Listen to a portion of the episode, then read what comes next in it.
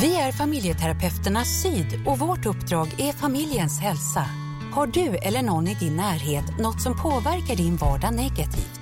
Familjeterapeuterna Syd är här för er. Ni kan komma med eller utan remiss. Kontakta oss på familjeterapeuterna.com. Du lyssnar på Kärlekspodden med familjerådgivaren Johan Hagström och programledare Hanna Palm. Den här podden handlar om relationer och hur vi kan förbättra dem. Jag heter Hanna Palm och mitt emot mig så sitter Johan Hagström, familjerådgivare och psykoterapeut på Familjeterapeuterna Syd. Hej på dig Johan! Hej Anna. Och hej på dig Lissi, din lilla vovve som står här bredvid och är så himla intresserad. Vi får se om hon flikar in någonting under dagens ämne. Eh, vi ska prata om någonting som jag tror att många föräldrar någon gång ställs inför. Att ens barn förr eller senare kommer i kontakt med alkohol. Och det här med att det förekommer i hemmet, det är ju inte helt ovanligt. Men hur hanterar man då situationer när då kanske främst tonåringar kommer i kontakt med, med alkohol utanför hemmet. Det är det vi ska snacka om idag. Du Johan, det finns ju lite olika uppfattningar om hur vanligt det är att barn och ungdomar dricker i Sverige. Går det att säga någonting om hur det ser ut med alkoholkonsumtionen bland minderåriga nu för tiden? Ja, det gör det. Vi kan ju titta på de, de studier som är gjorda, hur mycket vad, eh, niondeklassare och eh, andra gymnasister svarar på, på frågan om de har druckit alkohol. Och där är det en tydlig trend, minskat eh, förbrukning av alkohol. Mm. Ganska kraftigt om man tittar på över längre tid också så är det en väldigt stor markant skillnad till, mm. till att de använder det mindre. Ja, du, du fick grotta ner dig lite i siffror och statistik här inför det här avsnittet. Är det här någonting som förvånar dig Johan, att det ser ut så här? Ja, jag blev förvånad över att det var en så stor nedgång. Och eh, frågan kommer ju osökt, eh, vad beror det på? Att det blir så kraftig minskning från 70-talet och fram till ungefär mitten av 2010 då. Mm. Eh, så det kan vi väl fundera ihop lite grann. Det ställer ju till en del när man har varit ung på 70-talet så, så, så är det ju väldigt förvånande. Vad har vi gjort för någonting som har gjort att man, man dricker så lite som, som ungdom idag? Ja men redan på tidigt 2000-tal när jag var ungdom då tyckte jag också då festades det hej vilt. Nu kommer jag i och för sig från Finland så att det kanske beror på det. Men det känns ändå som att den här trenden har ändrats ganska fort ändå kan mm, man ju säga. Det kan man ju säga. Nu var det en liten peak där kring 2000 faktiskt som liknar 70 70-talets början. Så att där, där flödade spriten duktigt. Så att jag vet inte om det går cykler också. Så kan det absolut vara. Eh, men det här det ser ju olika ut också lite i olika länder och kulturer när det kommer till alltså, ungdomars eh, ja, men, drickande. I en del länder så, så kan det här ses som helt oproblematiskt att ungdomar dricker i och utanför hemmet medan det i andra kulturer så gott som inte förekommer överhuvudtaget. Eh, finns det någonting så lite mer övergripande man kan säga om liksom svensk alkoholkultur och minderåriga? Ja, det tror jag det gör. Eh, vi har ju i vårt land, i Sverige framför allt, ett monopol på, på försäljning av, av alkohol. Går man över till andra sidan sundet som ligger nära oss, som vi sitter i Skåne nu, så säljs det ju alkohol i vanliga livsmedelsbutiker. Det gör det inte i Sverige. Där är ju en stor skillnad. Och sen tror jag också att vårt förhållande till alkohol handlar om eh, religion, alltså våran krist, vårt kristna arv, eh, framförallt den pietistiska fromheten där man var väldigt sträng asketisk till, till njutning och eh, att, att, alltså att använda stimulantia. Ja det, pre, det pre, påverkar ju oss, oss också givetvis. Ju. Mm. Men när man jämför då med mer katolska länder som ner mot Medelhavet där, där vin och eh, alkohol i, överlag är en vardaglig ingrediens, liksom vårt kaffe typ nästan. Mm. Eh, I vilken ålder då kan man säga så här att gemene man eller gemene underårig har sin alkoholdebut på ett ungefär? Före 13 års ålder är det väldigt få som anger att man har har använt eh, alkohol. Eh, och det verkar vara en ganska kraftig ökning mellan årskurs 9 och eh, års, årskullen 2, andra ring i gymnasiet. Där, där verkar det vara ganska så många mer som anger då att man har druckit alkohol i gymnasiet jämfört med i högstadiet där. Så att någonstans mellan 13 och 18 och det verkar vara mellan 16 till 18 som är liksom den där, där, där är de flesta igång och provar så att säga, mm. börjar. Mm. Jag tänker att jag kommer använda mig av eh, begreppet tonåring under det här avsnittet för att det kanske är mest relevant. Sen finns det ju som sagt personer som är yngre och äldre som har sin alkoholdebut. Um, skulle du säga att det här med eh, tonåringars drickande eh, är det, och festande, är det någonting som kan vara en vanlig källa till konflikt i hemmet? Ja, det kan man väl säga att eh, det är under tonåren. Eftersom som föräldrarna kan känna en oro och tonåringen kan känna en press. Och, eller längtan efter att, att gå in i, i det, det livet just som tillhör tonåren. Eller som vi tänkte oss tillhörde tonåren men som numera verkar eh, inte tillhör tonåren. inte lika mycket siffror. i alla fall. Inte lika mycket i alla fall. Men, men, men visst, det, det, det, skapar ju problem. Det kan skapa konflikter för man kan ha olika syn också på det här med Ja, ska tonåringar få festa loss och leva livet eller ska de sitta hemma och vara kontrollerade av föräldrarna? Eh, ja. Mm.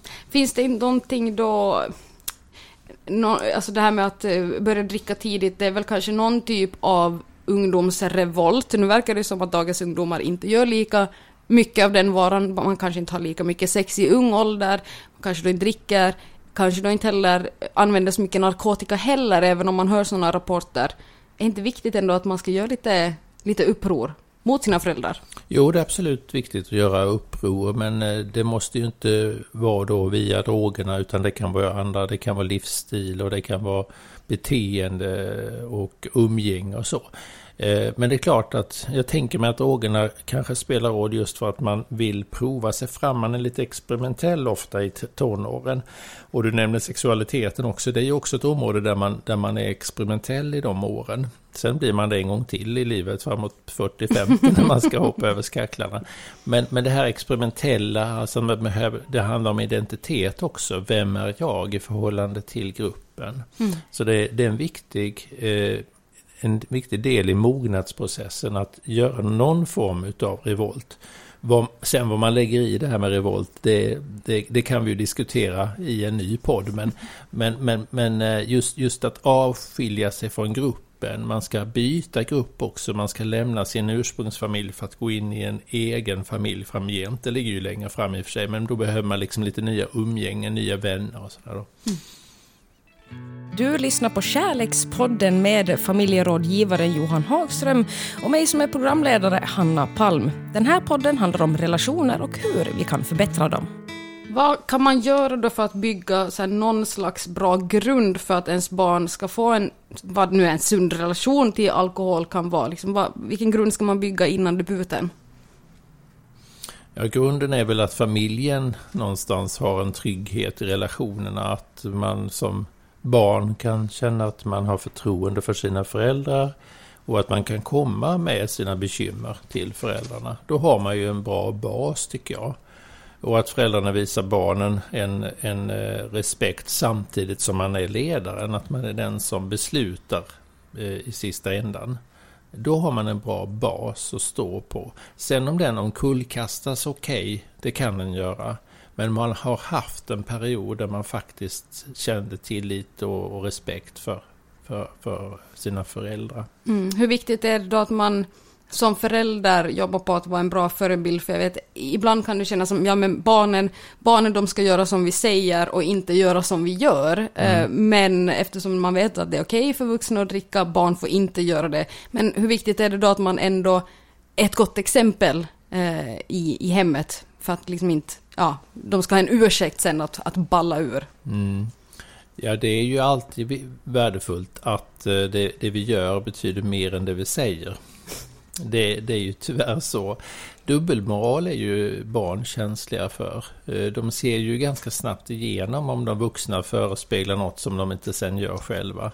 Så det är klart att eh, har man svårt att hålla sitt ord eller har någon slags idealistisk syn på hur saker och ting borde vara men inte kan leva upp till det, då är det inte, det är, det är skadligt för barn faktiskt. Mm. Det får man äta upp sen kanske. Det får man göra. Eh, somliga föräldrar så tycker ju att det är bättre att ens tonåring då får smaka på alkohol i hemmets lugna vrå för första gången. Eh, är det här en bra strategi Johan? Jag vet att det kanske är vanligare i andra länder, men överlag om vi tar Sverige då?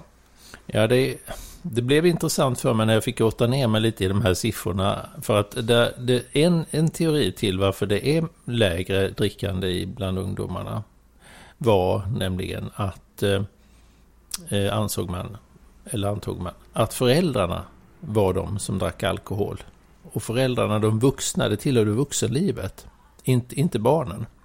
Och då skulle mitt svar bli att man inte ska ge sina barn alkohol innan de är vuxna. Då. Mm. Och det finns ju de som håller på en sådan gräns att vid 18, okej, okay, då får du börja dricka.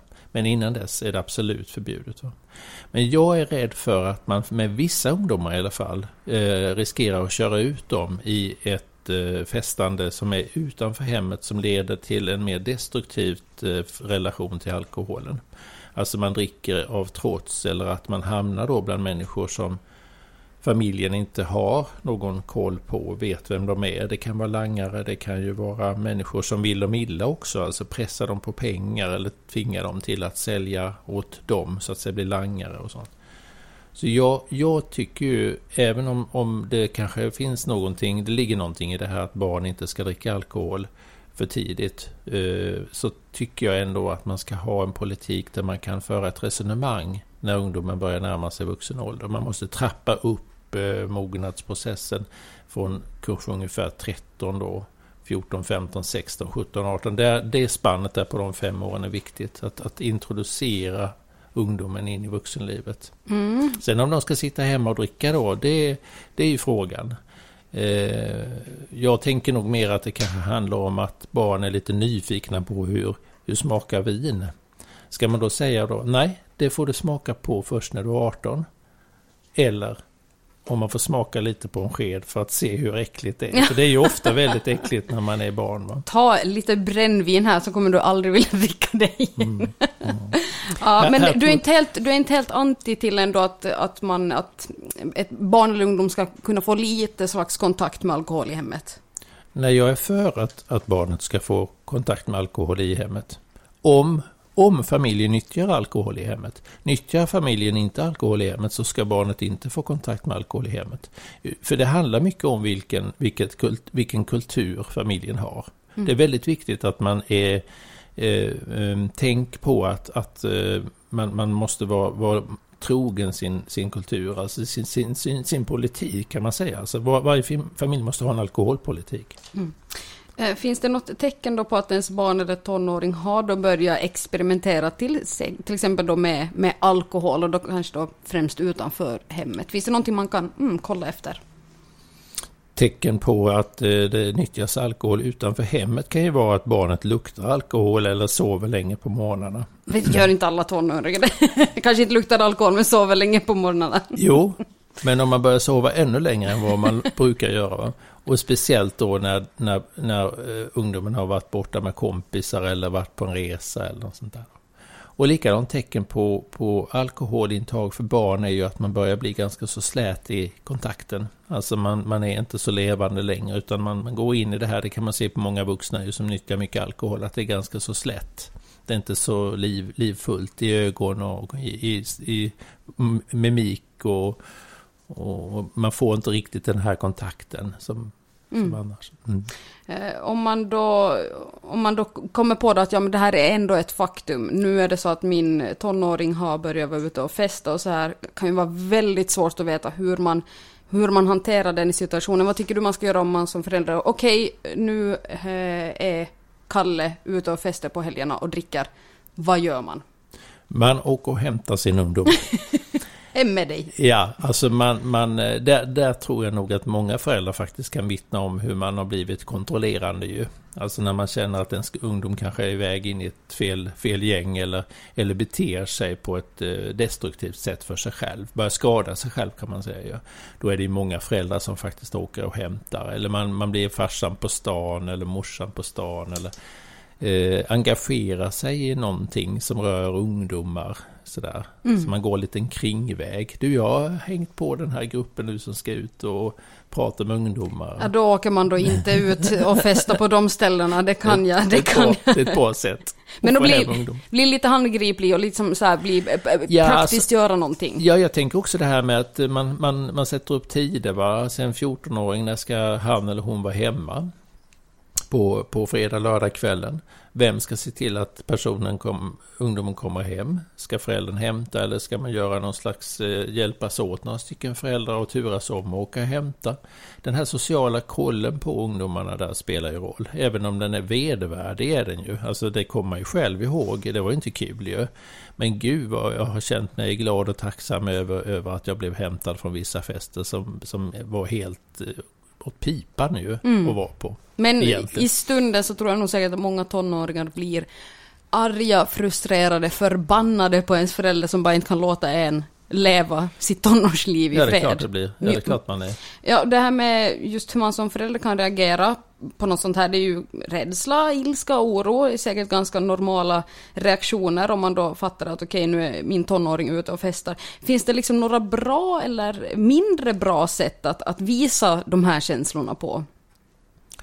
Ja, man får, man får ju hålla i sig. Eh, jag tycker inte att man behöver liksom kanske ladda hela känslobatteriet med att eh, ligga på golvet och skrika och gråta eller riva ner himlen för att man, man har en oro inom sig. Utan man behöver ju hantera mycket oro själv. Det kan ju hända att tonåringen faktiskt har väldigt stort ansvar men man, man ser det inte. Man, man, man kan inte uppfatta det för man är så upptagen av sina känslor.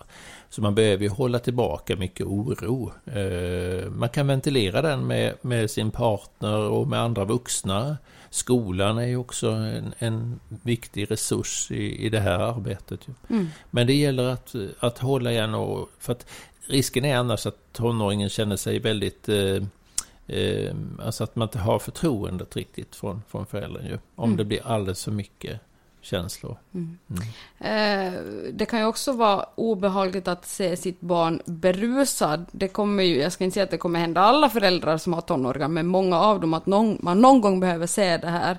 Kanske när då en tonåring kommer hem från en fest eller kommer hem full eller att man åker och hämtar dem. Eh, vad kan man göra där och då för att hålla samman? För det här kan ju säkert... Som barn är det obehagligt att se sin förälder full, men som förälder att se sitt barn berusat. Mm. Hur kan en sån situation vara? Ja, den är, den är ju känslomässigt jobbig för en förälder, men det viktiga där är ju att eh, handla lik, lite liknande som i en kris. Man tar hand om det som är här och nu. Behöver det torkas spyor? Eh, hållas koll så att personen inte ligger på rygg utan ligger på sidan om den, den får kräkningar. Om den behöver köras in till, till eh, sjukhuset och bli magpumpad för att det är alldeles för mycket alkohol i kroppen. Alltså man, blir, man, blir, man agerar som om det är en krissituation. Sen efteråt eh, så kommer då känslorna ju, man blir ledsen och rädd och arg. Och då behöver man hantera dem. Eh, och eh, man behöver också prata med sitt barn om vad det är som har hänt. För det har ju hänt någonting extraordinärt. Mm. Någonting som avviker då. Så det liknar väldigt mycket att hantera en krissituation faktiskt. Mm. Mardrömslikt. För många kan jag tänka mig om det, det är så pass allvarligt. Det kan ju vara mardrömslikt uppvaknande att oj, mitt barn dricker så här mycket så den blir full. Liksom. Mm.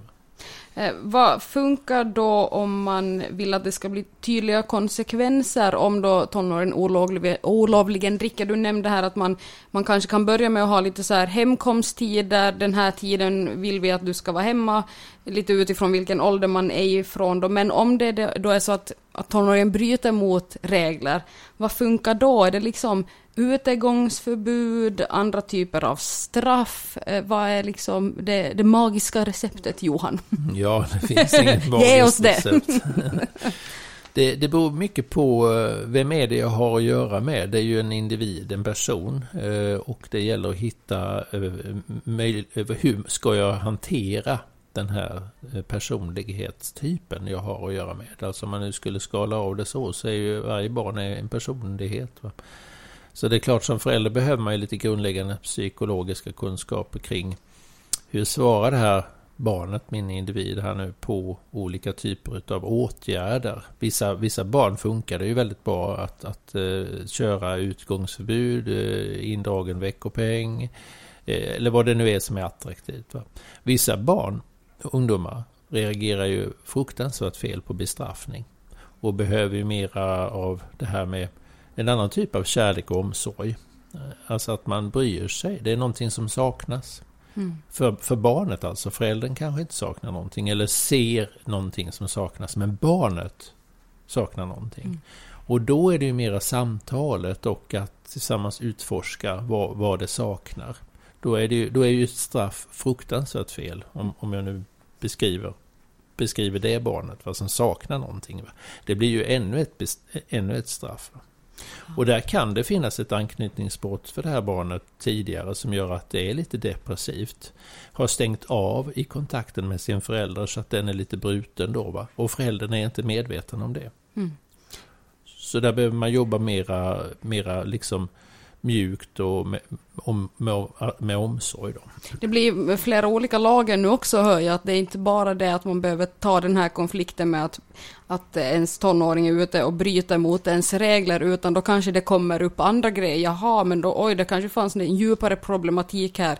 Det kanske man också kan bli lite sugen på att bara sopa under mattan för att det är för jobbigt och, och liksom börja grotta ner sig i det, men man ska alltså ta den den fighten. Ja, jag tycker man ska göra det. Och man kan också tänka att det kan finnas någonting utanför familjen. Eh, det kan ju finnas eh, en händelse då, en våldtäkt till exempel, som man inte har valt att berätta om.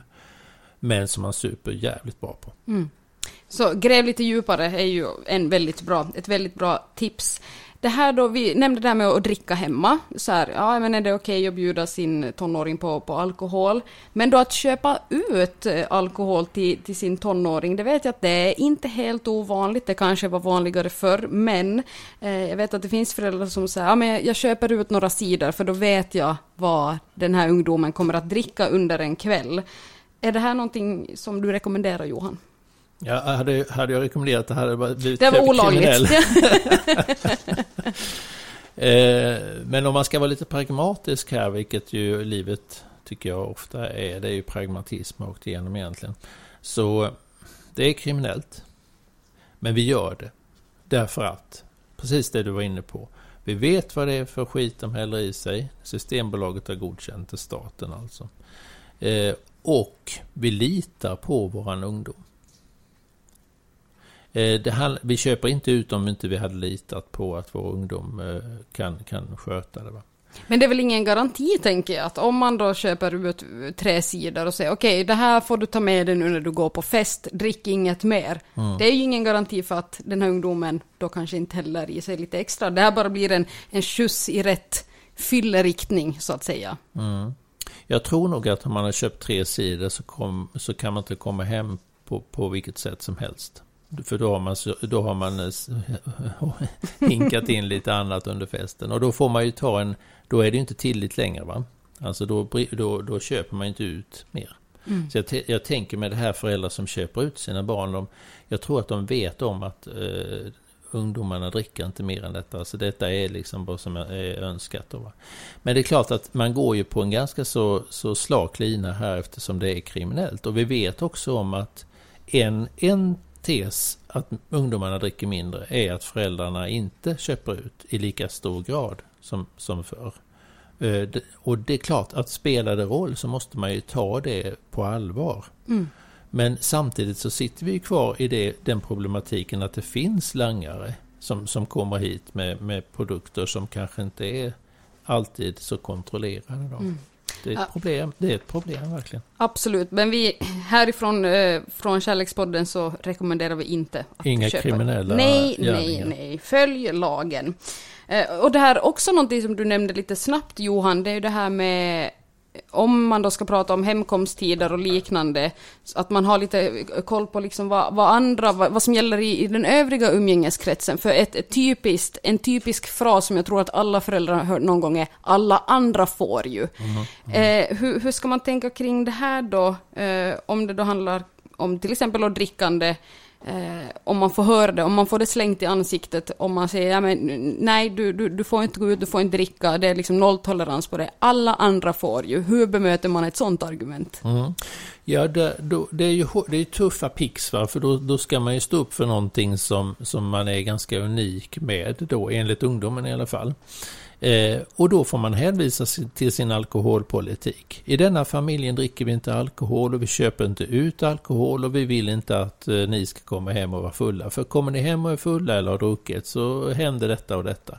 Alltså man, man behöver vila på eh, familjens värdegrund. Alltså, sen får ungdomarna tycka vad de vill om den ju. De, de får ju en chans sen att skapa sig en annan värdegrund ju. Så där tror jag många föräldrar kan, kan falla tillbaka på att hänvisa till att så här funkar det i denna familjen. Mm. Och jag är ledsen att du just nu känner dig väldigt hindrad för det. Men så här funkar det här. Sen är det ju svårt när man har att göra med en 16, 17, 18-åring. För då är man alltså på väg in i det här att man själv får göra plötsligt som man vill från det att man är 18. Va? Och det är där jag är inne och pratar mycket om att man måste börja vänja ungdomen vid vuxenlivet.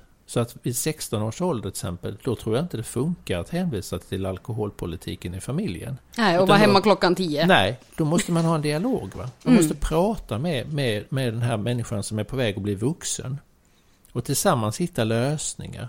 Och säga att här kanske vi bör frångå vår familjepolitik. Mm. För här märker jag att det stött på problem för dig så kraftfullt så att du börjar att ta avstånd från oss och så. Och det, så kan vi inte ha det. Om det då är så att man har förlikat sig med tanken att ens tonåring kommer att fortsätta festa och kanske, så kanske det känns tryggast då att det här liksom sker i hemmets lugna vrå. Kan det vara en bra idé att låta liksom, kompisarna komma över och så, och så får de dricka, dricka hemma hos sig?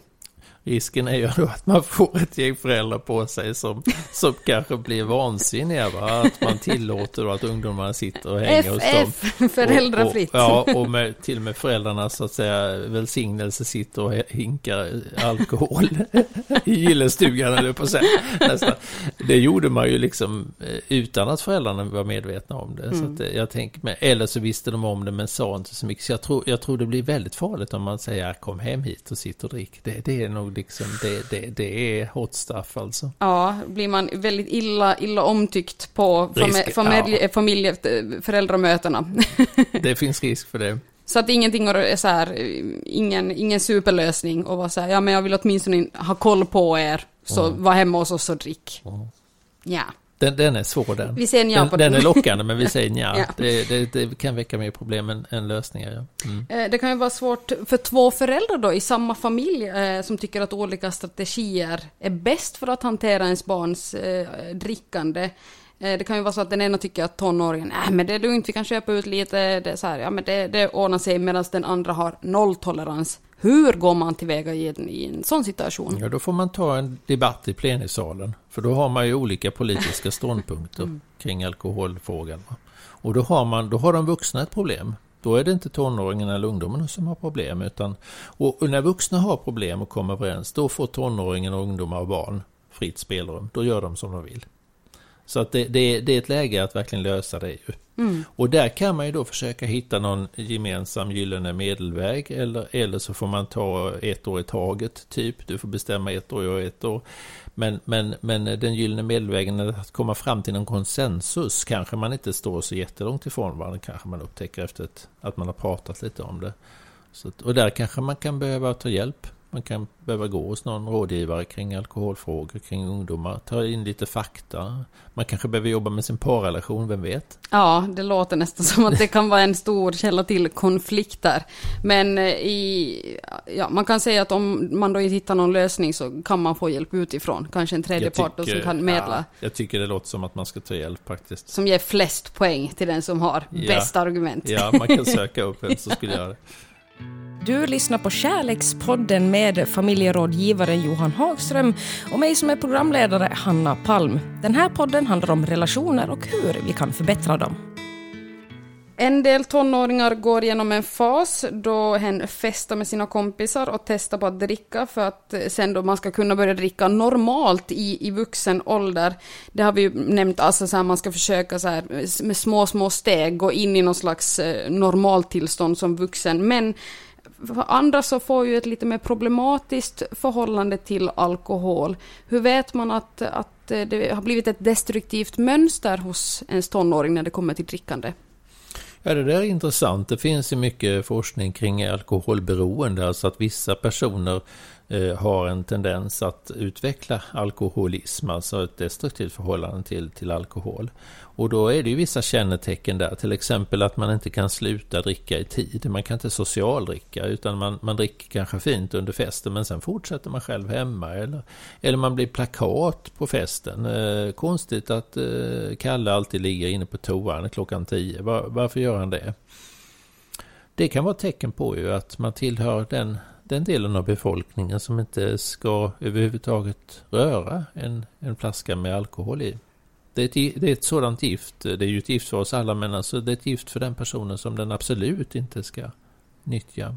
Svårt för en förälder också om man då kanske inser att oj, den här vi tar alltid Kalle, stackars Kalle. Kalle som exempel. Det ser ut som att han kanske aldrig kommer kunna ha ett normalt, sunt förhållande till alkohol. Hur, hur hanterar man det?